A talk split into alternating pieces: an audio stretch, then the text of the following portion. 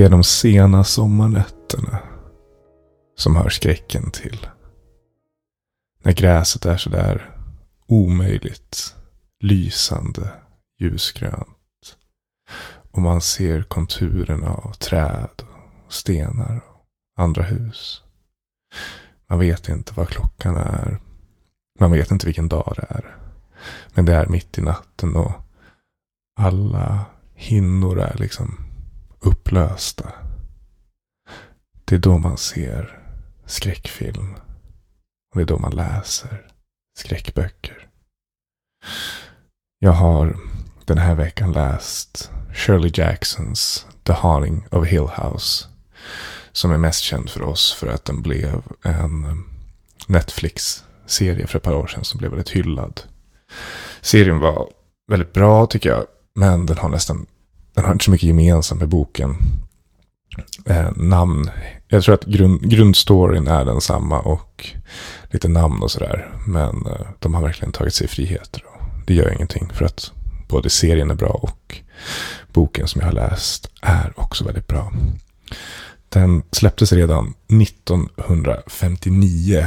Någonting med det är ju kittlande att läsa en, en rysare som är så pass gammal tycker jag. Det här svartvita fotot på kvinnan som har skrivit den på baksidan förhöjer också den naturliga stämningen bara av att plocka upp boken.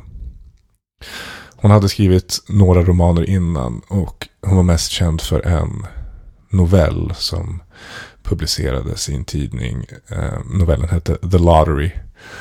Och eh, den var så pass läskig och obehaglig att de fick in över 300 läsarbrev med upprörda, av upprörda människor som tyckte den var hemsk. Ehm, The Lottery handlade om en by som drog en lott varje år om vem de skulle stena ihjäl för att få bra skörd. En ganska härligt upplägg för en novell. Och eh, jag har inte läst den, men jag läste sammanfattningen på Wikipedia och den verkar, verkar toppen. Det är precis så där en, en novell, en skräcknovell ska vara. Skräck är lite av en favoritgenre för mig. Ehm, jag tror att det är för att vi censurerar ju sällan komedi. Ehm, trots vad Joe Rogan och de säger så skämtar man ju fortfarande om allt. Och ehm, man censurerar inte romantik eller sex så mycket. Men man censurerar ju eh, liksom våldsamma, läskiga saker för det mesta. Så det gör att när vi använder skräck som genre, då tar man liksom bort det sista hindret för att berätta allt om människan. Om vi säger att det är en skräckroman eller en skräckfilm, då all bets are off. Då kan vi prata om vad som helst och göra vad som helst. Och det är någonting i det som är härligt och, och kittlande tycker jag. Det är verkligen det, det mänskliga tillståndet. Så vad är det här för bok då? Eh, det är en klassisk, som namnet antyder med Haunting, eh, att eh, ett hemsökt hus som vi ska utforska. Det som är lite kul är att eh, vanligtvis så kan ju man uppleva eh, karaktärerna i skräckfilmer och böcker som ganska dumma. Men utgångspunkten här är att en, en forskare som vill undersöka om det här huset verkligen är så hemsökt som det sägs. Och har med sig några testpersoner. Så att vi står liksom, vi står på samma sida som protagonisterna. Det tycker jag är en bra vinkel. De är skeptiska, vi är skeptiska. Vad ska det bli av det här? Hon är också väldigt bra på att beskriva olika typer av psykologiska stadier som man kan tänka sig att man skulle vara i om sånt här drabbade en. Det, det händer ju läskiga saker. Det, det kanske inte är en spoiler. Annars hade det inte varit någon, någon bok av det. Och författaren, hon, ehm, jag tycker hon gör karaktärerna trovärdiga. De pratar som jag tänker att man pratar. Eh, när de lär känna varandra och hur de Eh, förhåller sig till allt det här underliga. Eh, förutom kanske då att klassikerna, att man liksom inte drar därifrån när det blir, börjar bli otäckt. Eh, det kan man ju tycka är... Ehm, ja, jag vet inte. Det, det är alltid så med sådana där filmer. Så att de borde ju bara lägga benen på ryggen. Det är lätt att säga.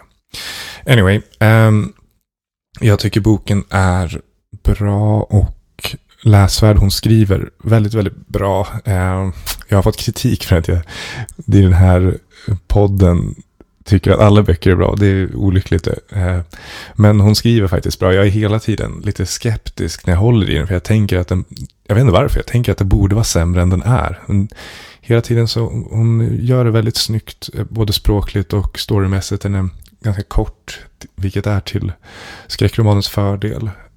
Hon eh, är, väver in humor och lite romantik och så Lite härligt med psykisk ohälsa såklart. Um, lite um, otrovärdiga berättare kanske. Man vet inte riktigt vad, vad det är som händer till slut, vilket jag gillar. Hon gör det på ett, på ett snyggt sätt.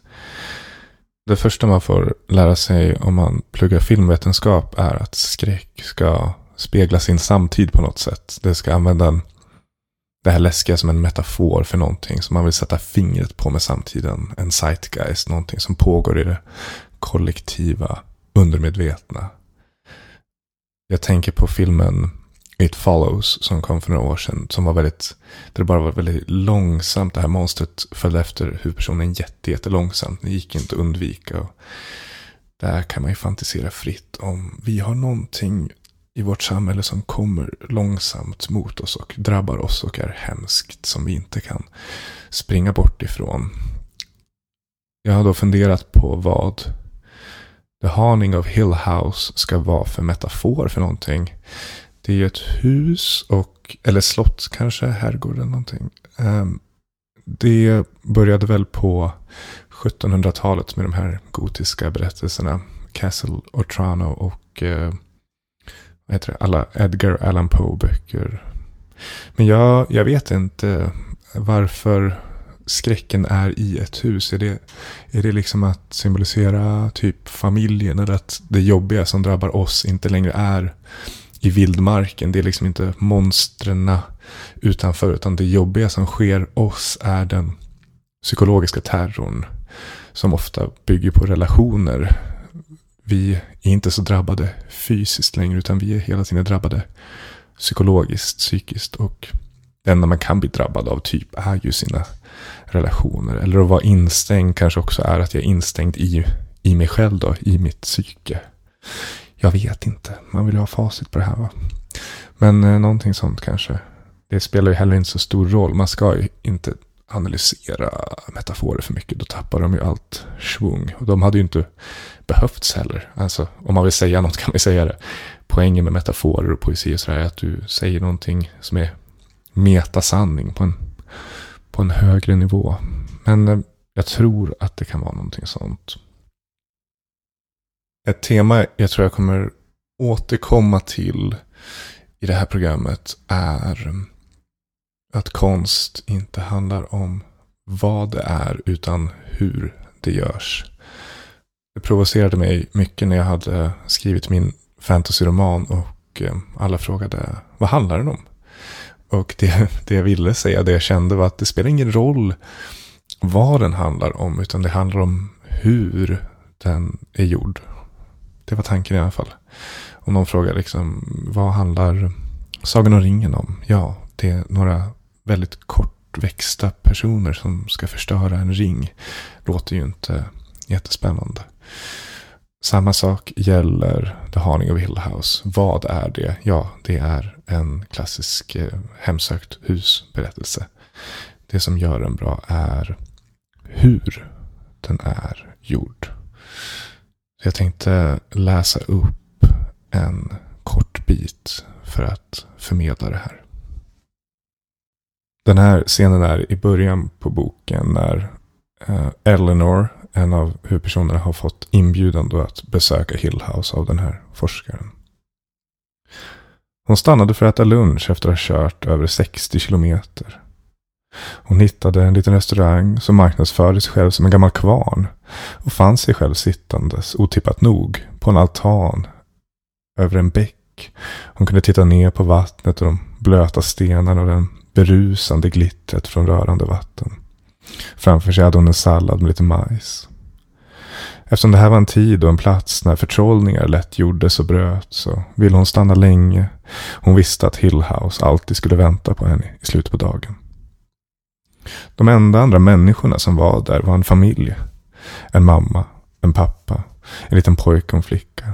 Och de talade till varandra mjukt och vänt. Och den lilla flickan tittade och tittade på Eleanor med en uppriktig nyfikenhet och efter en stund så log hon. Ljuset från bäcken nedan rörde sig över taket och de polerade borden och till och med över den lilla flickans lockar. Och hennes mamma sa hon vill ha sin mugg med stjärnor. Elinor tittade upp förvånad. Den lilla flickan sköt sig själv tillbaka i sin stol och hon ville inte ha mjölken framför sig. Hennes pappa fnös och hennes bror fnittrade. Hennes mamma sa igen. Hon vill ha sin mugg med stjärnor. Ja, tänkte Eleanor. Det vill jag också. En kopp med stjärnor förstås. Hennes lilla mugg, sa mamman nu till servitrisen. Som var förbluffad över tanke på att den här gamla kvarnens lantmjölk inte var bra nog för den lilla flickan. Den har stjärnor i, i botten och hon dricker alltid från den när hon är hemma. Hon kallar det sin mugg med stjärnor för att hon kan se stjärnorna medan hon dricker sin mjölk. Servitrisen nickade, inte så övertygad och mamman sa till sin lilla flicka. Du kan få mjölk från din kopp med stjärnor ikväll när vi kommer hem. Men nu, bara nu, kan du inte vara en snäll liten flicka och dricka från det här glaset. Gör inte, sa Eleanor till den lilla flickan. Insistera på din kopp med stjärnor. För snart har de fångat dig till att vara som alla andra och du kommer aldrig få se din kopp stjärnor igen. Gör inte. Och den lilla flickan sneglade på henne, log lite grann, förstod helt, skakade sitt huvud mot glaset. Modig tjej, tänkte Eleanor. Modig och klok tjej.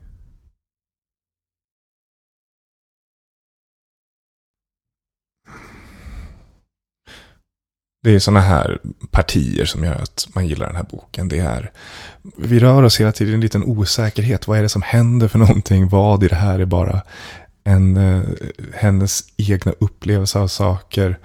Det blir ännu mer tydligt i textform för att Eh, hon använder sådana här citationstecken när någon konverserar, när det är dialog som i en helt vanlig bok. Men här så, vid ett tillfälle när hon säger typ, eh, du, du, du, ah, Eleanor säger någonting till den här flickan. Men i texten då så är det inte citationstecken. Så hon säger det ju inte med sin mun utan vi får tänka att hon försöker kommunicera det här telepatiskt. Eh, och det funkar väl antagligen inte men hon upplever att de har någon sorts kontakt där. Vad vet vi? Jag tycker det är, det är toppen det här. Det det är inte läskigt per se men det bygger upp känslan av att allting är lite underligt på ett jättehärligt sätt. Så vad fan, köp boken. Läs den i sommar när gräset är sådär omöjligt ljusgrönt och det är sent och du inte vet vad klockan är och vilken dag det är. Då tycker du kan ta dig an den här boken.